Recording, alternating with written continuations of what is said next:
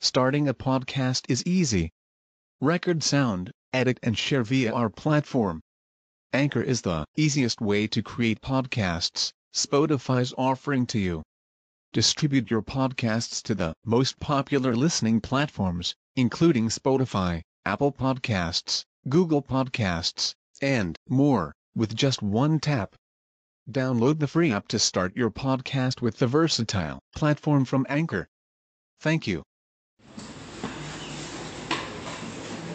بسم الله الرحمن الرحيم. الحمد لله حمدا كثيرا طيبا مباركا فيه. كما يحب ربنا ويرضى. وأشهد أن لا إله إلا الله وحده لا شريك له. وأشهد أن محمدا عبده ورسوله. نبي الله وخليله صلى الله عليه وعلى آله وسلم تسليما مزيدا لنبي بعده. Ikhwani fi din, azdani wa azzakumullah wa hafizakumullah jami'an wa barakallahu fikum. Kita lanjutkan bacaan terhadap kitab Mujmal Aqidatis Salaf Salih karya Asy-Syaikh Al-Allamah Salih Al-Fauzan asabahullah halaman 13 kita lihat barakallahu fikum Qala al-muallifu asabahullah aqidatu ahli sunnati wal jamaah Al-imanu billahi wa malaikatihi wa kutubihi wa rusulihi wal yaumil akhir wal imani bil qadari khairihi wa syarrih. Termasuk keyakinan ahlu sunnati wal jamaah adalah beriman kepada Allah, beriman kepada para malaikatnya, beriman kepada kitab-kitabnya dan para rasulnya, dan beriman kepada hari akhirat, serta beriman terhadap takdir yang baik maupun yang buruk. Inilah yang dikenal dengan rukun iman yang enam. Kita semuanya wajib mengimani rukun iman yang enam ini. Jangan sampai terluput terlepas dari kita semuanya. Karena rukun iman yang enam ini merupakan pondasi. Karena rukun adalah janibus syai' al-aqwa Rukun itu definisinya adalah janibus syai' al-aqwa, bagian sesuatu yang paling kuat. Itu namanya rukun. Jadi kalau ada rumah, masjid, bangunan itu ada pondasinya. Jadi pondasi itu yang paling kuatnya. Jadi kalau rumah tanpa pondasi, masjid tanpa pondasi, dikhawatirkan cepat atau lambat dia akan roboh, enggak kuat. Nah, nah rukun daripada iman adalah enam perkara ini. Beriman kepada Allah, beriman kepada para malaikatnya, beriman terhadap kitab-kitabnya, beriman terhadap para rasulnya, beriman kepada hari akhirat, kemudian yang terakhir beriman terhadap takdir yang baik maupun yang buruk. Kalau kita perhatikan kembali di dalam hadis Jibril at-Tawil yang saat itu Jibril datang kepada Rasulullah SAW bertanya tentang rukun Islam, kemudian rukun iman, Kemudian rukun ihsan di sana dijawab dengan apa? Ketika ditanya akhbirni anil iman, kemudian beliau alaihi salatu wassalam menjawab dengan jawaban antu'mina billah wa malaikatihi wa kutubihi wa rusulihi wal yawmil akhir wa tu'mina bil qadari khair syarri. Di akhir hadis wa tu'mina. Kenapa yang lainnya tidak ada lafaz wa tu'mina? Karena jarang sekali orang yang beriman dengan takdir. Banyak orang yang tidak faham. Eh, lagi tanam modal usaha bangkrut langsung gantung diri. Paham ya? Karena nggak beriman dengan takdir tadi itu. Nah, barakallahu fikum. Coba kalau dia beriman takdir. Semua sudah ditakdirkan oleh Allah Subhanahu wa taala, diatur oleh Allah Subhanahu wa taala. Kegagalan tidak masalah karena kegagalan adalah keberhasilan yang tertunda dengan seizin Allah taala. Jadi orang gagal usaha lagi, berupaya lagi, seperti itu karena dia yakin bahwasanya Allah Subhanahu wa taala di balik kegagalan tersebut ada ujian, cobaan, menguji hamba tersebut sabar atau tidak. Jangan langsung mengambil solusi yang pintas tapi keliru. Faham ya? Banyak yang saksikan kadang bangkrut usahanya, tanam modal sekian sekian juta tapi nggak berhasil juga. Akhirnya dia eh, nggak punya apa solusi yang terbaik. Seharusnya kalau beriman dengan takdir, dia cukup mengatakan Qaddaru masyafal. Ini sudah takdir Allah Subhanahu wa taala. Semoga ke depannya maju, berhasil. Caranya gitu. Tapi kalau dia dengan cara mencari solusi yang terbaik menurut mereka adalah bunuh diri, nggak benar. Karena ajal di tangan Allah Subhanahu wa taala. Eh? Sudah pernah anak kisahkan dulu. Nah, barakallahu fikum, ajal itu kalau belum datang saatnya, walaupun manusia mengupayakan nggak akan sampai. Ada orang naik lantai 4, dia mau bunuh diri dia, jatuhkan diri ke bawah, patah kaki kanannya. Belum mati. Nah, besok lagi nyoba lagi, patah kaki kirinya. Karena belum takdirnya. Solusi yang terbaik ketika dia ditimpa suatu musibah atau kegagalan dalam usahanya bukan dengan cara bunuh diri, tapi dengan cara banyak-banyak berdoa kepada Allah Subhanahu wa taala kemudian mengoreksi kembali sebabnya kenapa gagal. Jualan bakso berkali-kali kok nggak berhasil ternyata kebanyakan garam misalkan. Harus ditek lagi, teliti lagi. Bumbunya bagaimana yang tepat. Karena apa? Kegagalan adalah keberhasilan yang tertunda dengan seizin Allah Subhanahu wa taala. Upayakan dipahami baik-baik biar kita semakin apa? kuat iman kita terhadap takdir Allah Subhanahu wa taala. Yang baik maupun yang buruk. Baik buruknya takdir tergantung dengan apa? Tergantung dengan orang yang ditakdirkan. Adapun dinisbahkan kepada Allah Subhanahu wa taala semuanya baik, nggak ada takdir yang jelek. Paham ya? Dinisbahkan kepada Allah taala semua takdir adalah baik karena di balik takdir tersebut ada hikmah, ada tujuan yang Allah Subhanahu wa taala letakkan. Tapi kalau dinisbahkan kepada manusia, eh, ada manusia yang ditakdirkan dia cacat misalkan, ditakdirkan dia miskin misalkan, ditakdirkan dia nah barakallahu fikum tidak bisa bicara misalkan. Mungkin itu jelek menurut manusia. Tapi di hadapan Allah Subhanahu wa taala semua takdir adalah baik.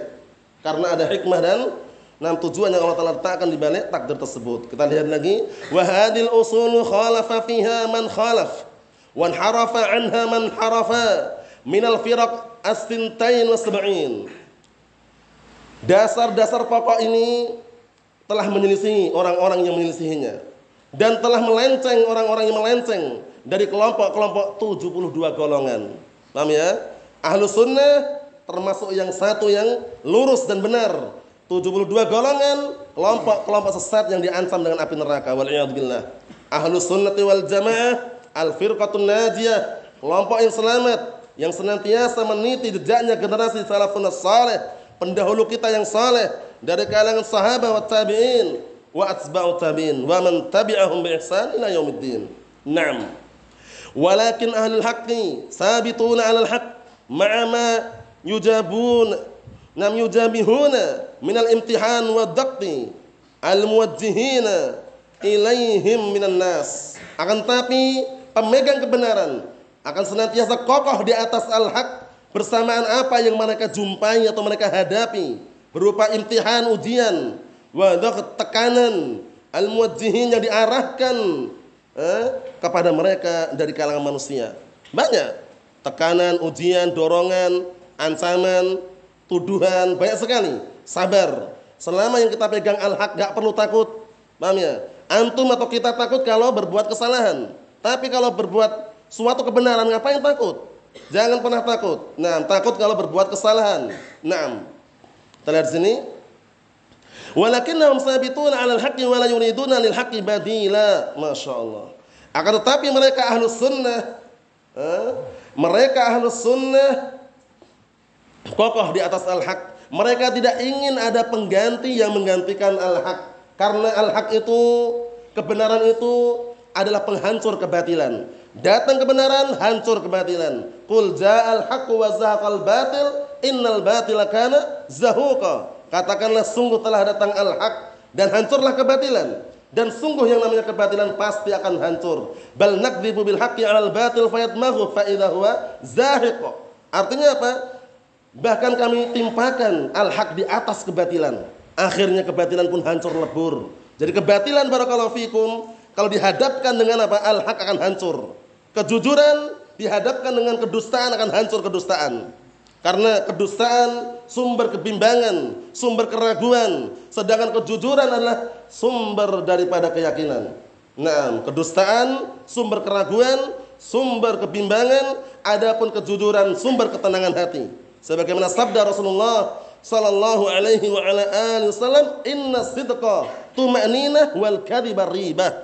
Sesungguhnya kejujuran itu tuma'ninah. Orang tenang kalau jujur. Jual beli online, offline, kalau jujur tenang. Paham ya? Tapi kalau bohong, eh, barangnya KW dibilang ori katanya.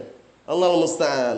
Barangnya sudah bekas dibilang masih baru katanya. Lebih baik bilang bekas masih bagus daripada mau baru tapi bekas. Paham ya? Jangan sampai keliru. Maksudnya bagaimana? Di dalam jual beli pun jujur. Karena kejujuran sumber ketenangan hati. Sedangkan kebohongan, kedustaan, ribah, ragu, bimbang, nggak tenang dia. Jual beli kalau nggak jujur, nggak akan tenang. Walaupun untung banyak. Oleh karena itu kita semuanya hendaknya menempuh cara yang terbaik, jujur dalam semua perkara-perkara yang ada dan menghindari kedustaan dan kebohongan. Makna iman billah, apa makna beriman kepada Allah?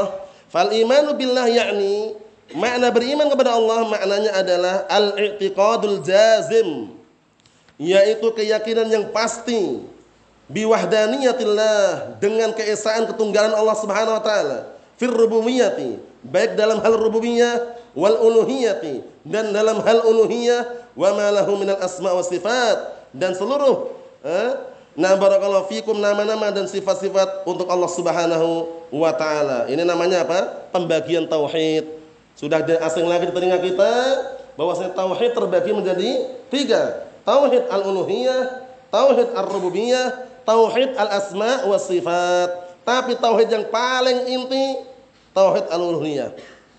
Jadi kalau kita hanya mentauhid rububiyah belum masuk Islam.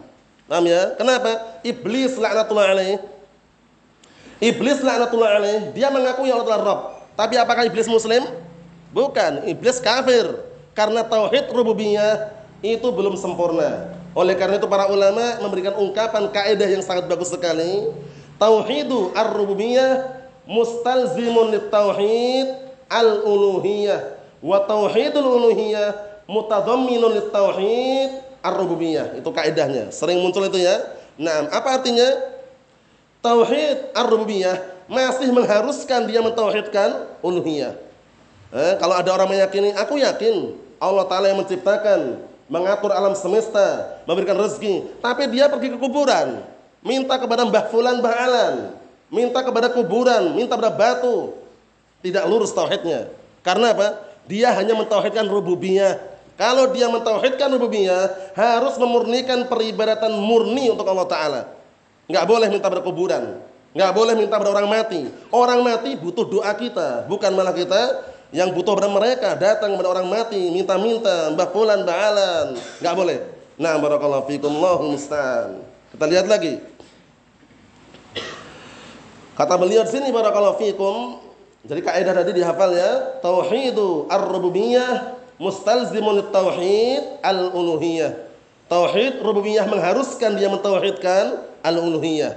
Wa tauhidu al-uluhiyah mutadhamminun tauhid ar-rububiyah. Sedangkan tauhid uluhiyah terkandung padanya tauhid rububiyah. Oleh karena itu orang kufar Quraisy saat didakwai Rasulullah SAW Abu Jahal Abu Lahab marah-marah mereka karena mereka paham paham bahwasanya yang dakwahkan Rasulullah itu tauhid uluhiyah Rasulullah pengen mereka orang-orang Arab kufar Quraisy bersatu menyembah zat yang satu yaitu Allah Taala.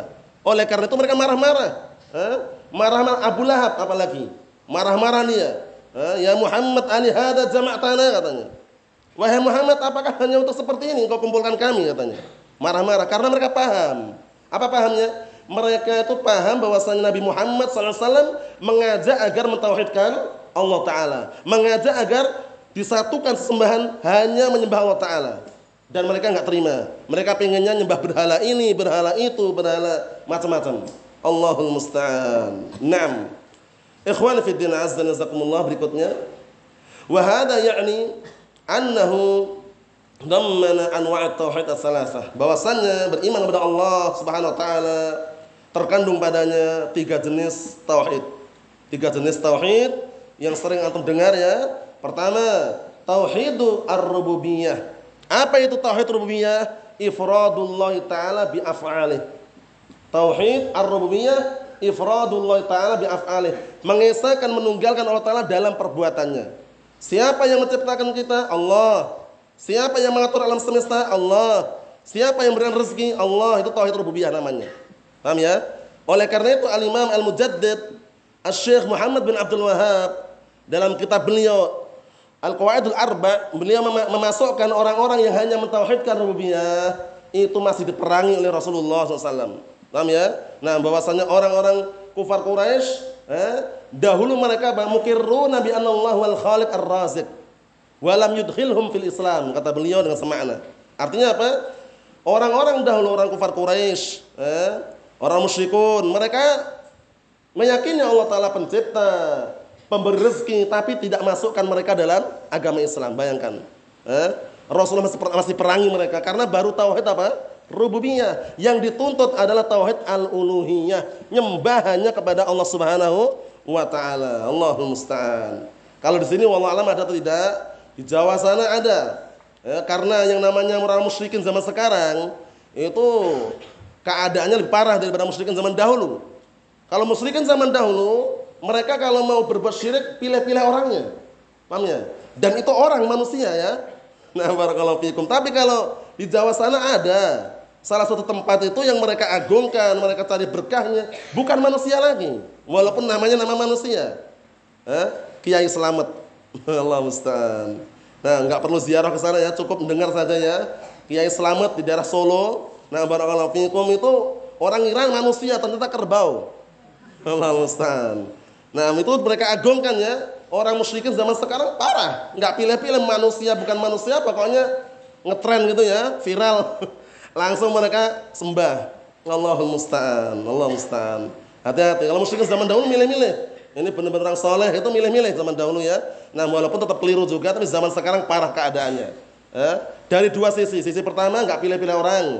Sisi kedua, ketika senang dan ketika sedih tetap larinya kepada kesyirikan. Ada gempa bumi, lari ke pantai selatan. Paham ya? Karena ratu pantai selatan marah katanya. Akhirnya apa? Nenggelamkan tumpeng.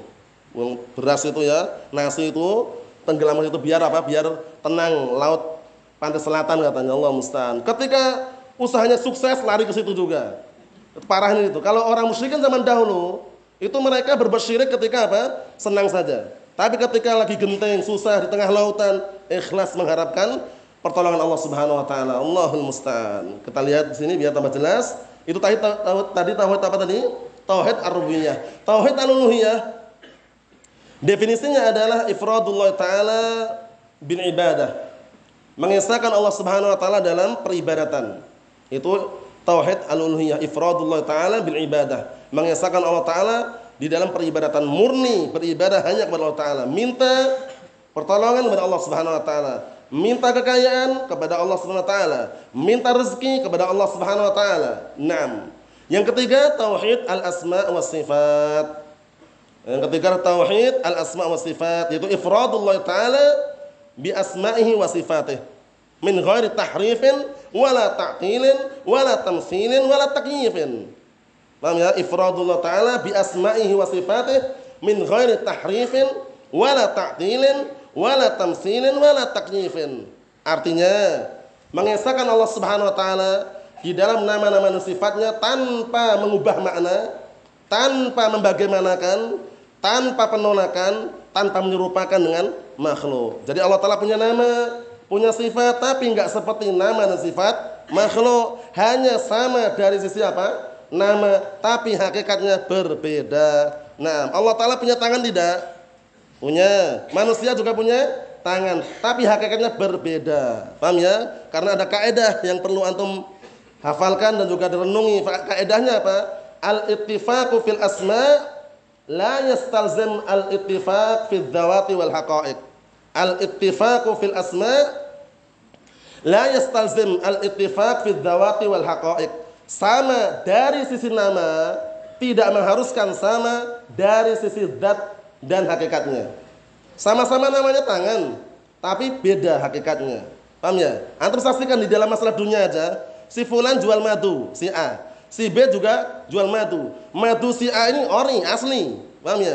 Madu si B, madu si B ini KW misalkan. Sama-sama namanya madu, hakikat tapi hakikatnya berbeda. Paham ya? Jadi sama itu jangan sampai antum pahami sama persis itu enggak ya nama boleh sama, tapi hakikatnya beda. Naam. Ikhwani fi din azza dan jazakumullah tiga tauhid tersebut harus kita imani. Ar-rububiyah, al-uluhiyah, al-asma wa sifat, tapi tauhid yang inti adalah tauhid naam al-uluhiyah. Naam. Ikhwani fi din azza dan jazakumullah kita ambil dikit lagi. Qala al-muallif wa asbahullah an-naw'ul awal jenis yang pertama tauhidu ar-rububiyah, tauhid rububiyah wa huwa markuzun fil fitar masyaallah. Tauhid rububiyah itu sudah terukir di dalam fitrah manusia. Manusia yang sehat, normal fitrahnya, pikirannya belum tercampur apa-apa, masih normal akalnya, ditanya, siapa yang menciptakan kamu? Allah. Nggak akan dia nggak akan macam-macam jawabannya. Paham ya? Nah, barakallahu fikum. Karena waktu itu ada orang yang sempat mengingkari adanya Allah Subhanahu wa taala. Eh, seorang badui ya, tapi dengan petunjuk yang sangat nah barakallahu fikum mengharukan dan juga akhirnya dia sadar bahwasanya alam semesta yang seluas ini, lautan, daratan, nggak mungkin kalau nggak ada penciptanya. Awal mulanya eh, melihat kepada kotoran onta. Innal ba'rah dulu alal ba'ir katanya. Kotoran onta ini menunjukkan ada ontanya. Benar nggak? Ada kotoran onta berarti ada ontanya. Kalau ada kotoran onta, yang ada sapi kan nggak mungkin. Ya nggak? Ada kotoran onta, ada ontanya. Dilihat lagi, diperhatikan lagi. Alam semesta yang seluas ini, lautan, daratan, nggak mungkin kalau nggak ada penciptanya. Berarti Allah Subhanahu wa taala ada. Nah, secara fitrah manusia terukir tauhid rububiyah di Nah barakallahu fikum benak-benak mereka la yakadu yunazi' fihi minal khalqi. Hampir-hampir dari kalangan makhluk ini enggak ada yang menentangnya, enggak ada. Iblis saja mengakui iblis. Iblis mengakui Allah Ta'ala Rabb. Fir'aun mengakui Allah Ta'ala Rabb.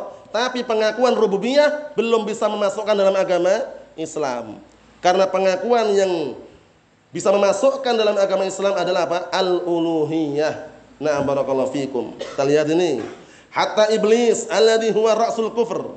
Sampai-sampai iblis yang dia adalah pemimpin kekufuran qala rabbi bima akhwaitani. Ngakui ya. Rabbi, wahai Rabbku, ngakui Allah Ta'ala Rabb. Wahai Rabbku, dengan sebab apa engkau menyesatkan aku?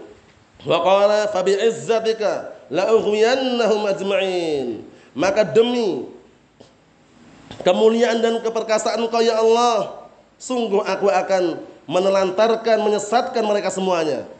Ini sumpahnya iblis dengan menyebut nama Allah Taala. Paham ya? Karena apa? Mengakui tauhid rububiyah tapi tidak masukkan iblis dalam Islam. Naam.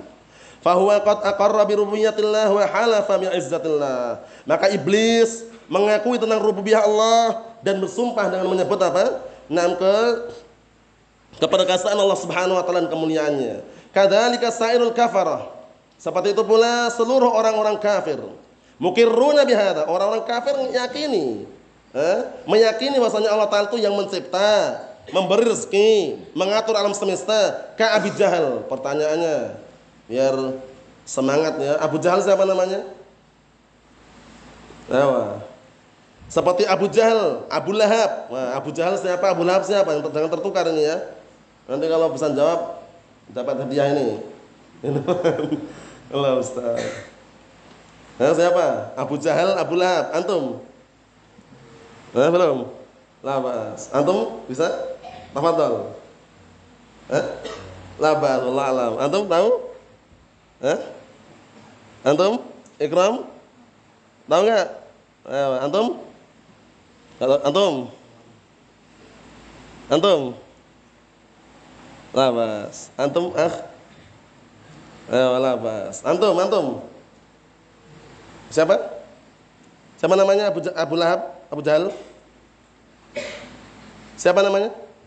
Santai aja, santai aja, tenang aja. Sudah buka tadi. Antum, antum, antum. Lalam labas, labas. Ayo, Umar. Siapa Umar siapa itu? Abu Jahal namanya Umar. Umar bin Khattab lain lagi. Wah, Abu Jahal bukan Umar, lain. Abu Jahal ya, ada ya? Abu Jahal dulu kunyahnya Abu Hakam dulunya. Karena dia suka damaikan orang berselisih. Tapi karena dia tidak beriman kepada Allah dan Rasulnya, digelarin Abu Jahal. Namanya Amr bin Hisham. Amr bin Hisham. Nah, Abu Jahal dulu kunyahnya Abu Hakam.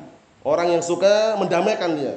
Tapi kalau didamaikan dia langsung Masya Allah terima. Tapi karena dia tidak beriman kepada Allah dan Rasulnya, digelarin Abu Jahal. Paham ya? nah digelari dengan Abu Jahal namanya Amr bin Hisham. Abu Lahab ya, Abu Lahab ini orang yang sangat kurang ajar terhadap Rasulullah sallallahu alaihi wasallam sampai istrinya ikut-ikutan istri istrinya. Karena ikut-ikutan di neraka pun juga bareng suami istri. Paham ya? Nah antum baca kisahnya dalam surat Al-Lahab. Paham ya? Abu Lahab namanya Abdul Uzza. Abdul Uzza. Abu Lahab namanya Abdul Uzza istrinya Abu Lahab wah ada nggak yang sudah pernah kenalan sama istrinya Abu Lahab belum? Eh, istrinya Abu Lahab siapa? Siapa Pak? Antum Pak? Belum pernah ya? Belum pernah kenalan ya? Eh, lah Mas, nah, kenalan dalam sejarah maksudnya. Ya, kenalan dalam sejarah atau pelajaran gitu. Ya, istrinya Abu Lahab siapa? Antum bisa antum? Antum bisa? Eh? Ya, apa? Antum ingat? Istrinya Abu Lahab Ummu Jamil, kunyahnya. Namanya Arwa bintu Harb. Arwa bintu Harb, saudarinya Abu Sufyan bin Harb. Paham ya? Jadi Ummu Jamil, kunyahnya bagus ya, Ummu Jamil ya, tapi tempat neraka. Karena apa? Karena dia ikut-ikutan sama suaminya, membenci Rasulullah, memusuhi Rasulullah, dan juga mengejek Rasulullah, mengganggu Rasulullah. Paham ya? Nah, barakallahu fikum sampai mengatakan tabban laka ya Muhammad itu Abu Lahab. Celakalah kamu wahai Muhammad. Ya, akhirnya dibantah oleh Allah Subhanahu wa taala dalam surat Al-Lahab, tabbat yada abi lahab wa tab. Sungguh celaka kedua tangan Abu Lahab. Ya kan? Ma aghna anhu maluhu wa ma kasab hartanya, kekayaannya enggak bisa menyelamatkan dia. Nanti di akhir ayat apa? Wa mra'atuhu hammalatul hatab. Istrinya pembawa kayu bakarnya. Jadi suami istri neraka dua-duanya. Allah musta'an. Karena memusuhi, membenci dan juga mengganggu Rasulullah sallallahu alaihi wasallam. Ingat-ingat Abu Lahab Abdul Uzza. Istrinya Ummu Jamil, namanya Arwa bintu Harb. Arwa bintu Harbin. Kalau bahasa Indonesia bintu Harb gitu ya. Nah, barakallahu fikum. Nah, jadi Arwa bintu Harb itu saudarinya Abu Sufyan bin Harb, Sakhir bin Harb. Nah. Barakallahu fikum wa khilafihim min a'immatul kufur dan selain mereka dari imam-imam kufuran yang ada. Nah, barakallahu fikum. Kanu mukirrina bitauhid rububiyah. Dahulu mereka semuanya mengakui tauhid ar-rububiyah ala ma hum fihi minal kufri wad dalal. Dalam keadaan mereka di atas kekufuran dan di atas kesesatan, tapi pengakuan rububiyah tidak cukup. Kita tutup yang terakhir. Qala jalla wa ala Allah taala berfirman, "Wala in sa'altahum man khalaqahum?" Wa qala ta'ala disebutkan dalam surah itu ya, kalau ditanya Nah, barakallahu fikum siapa yang menciptakan mereka? Nah, kemudian mereka akan mengatakan yang menciptakan mereka adalah Allah Subhanahu wa taala, zat yang menciptakan langit dan bumi. Wa qala ta'ala qul man biyadihi malakutu kulli syai' wa huwa yudiru wa la yujaru alaih. In kuntum ta'lamun sayaquluna lillah. Katakanlah Siapakah zat yang berada di tangannya semua kekuasaan, segala sesuatu, zat yang senantiasa meliputi dan tidak diliputi. Maksudnya Allah Ta'ala ya, senantiasa meliputi hamba-hambanya dan tidak ada satupun yang meliputi Allah Ta'ala. In kuntum ta'lamun, jika kalian benar-benar mengetahui, saya kulun, saya mereka semuanya akan mengatakan lillah. Kekuasaan semuanya milik Allah Subhanahu wa taala karena kekuasaan mutlak hanya milik Allah Subhanahu wa taala. Nah, barakallahu fikum sampai-sampai nanti di hari kiamat semua penguasa ditantang satu persatu untuk mengakui siapa yang berkuasa secara mutlak, terdiam semuanya Kemudian Allah Taala menjelaskan lillahil wahidil qahhar. Hanya milik Allah Subhanahu wa taala, zat yang Maha Tunggal dan Maha Kuasa. Rasulullah sallallahu alaihi wasallam insyaallah kita lanjutkan pada pertemuan yang selanjutnya. Subhanakallahumma wa bihamdika asyhadu an la ilaha illa anta astaghfiruka wa atubu ilaik. Walhamdulillahirabbil alamin.